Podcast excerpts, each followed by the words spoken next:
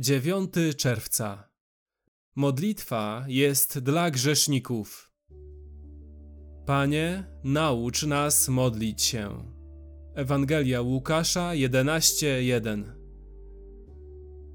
Bóg odpowiada na modlitwy grzeszników, a nie ludzi doskonałych. I możesz stać się doskonale sparaliżowany w swojej modlitwie, jeśli nie skupisz się na krzyżu i nie zdasz sobie z tego sprawy.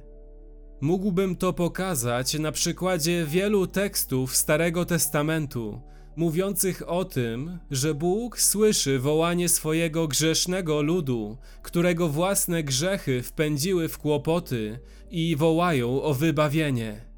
Na przykład Psalm 38, werset 5 i 16, Psalm 40, werset 13 i 14, Psalm 107, wersety od 11 do 13. Pozwól jednak, że pokażę to na dwa sposoby na przykładzie Ewangelii Łukasza 11. W tej wersji modlitwy pańskiej, Łukasza 11 od 2 do 4, Jezus mówi: Gdy się modlicie, mówcie, a następnie w wersecie czwartym uwzględnia tę prośbę: Odpuść nam grzechy nasze. Więc jeśli połączymy początek modlitwy ze środkiem, to słowa Jezusa brzmią: Gdy się modlicie, mówcie: Odpuść nam grzechy nasze. Rozumiem, że powinno to być tak samo częścią każdej naszej modlitwy, jak słowa: Święć się imię Twoje.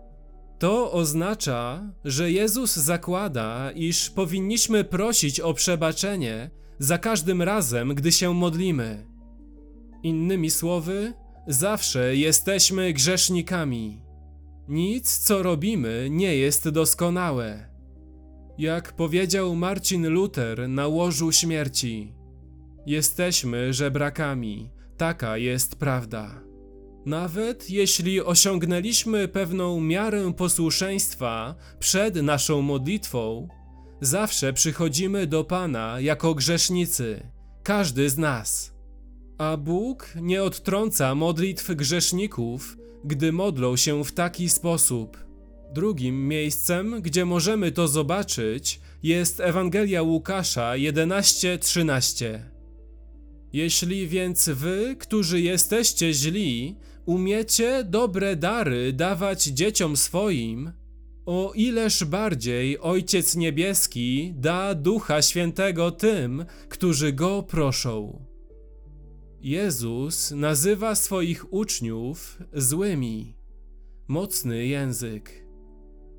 I nie chodziło mu o to, że byli pozbawieni wspólnoty z Nim.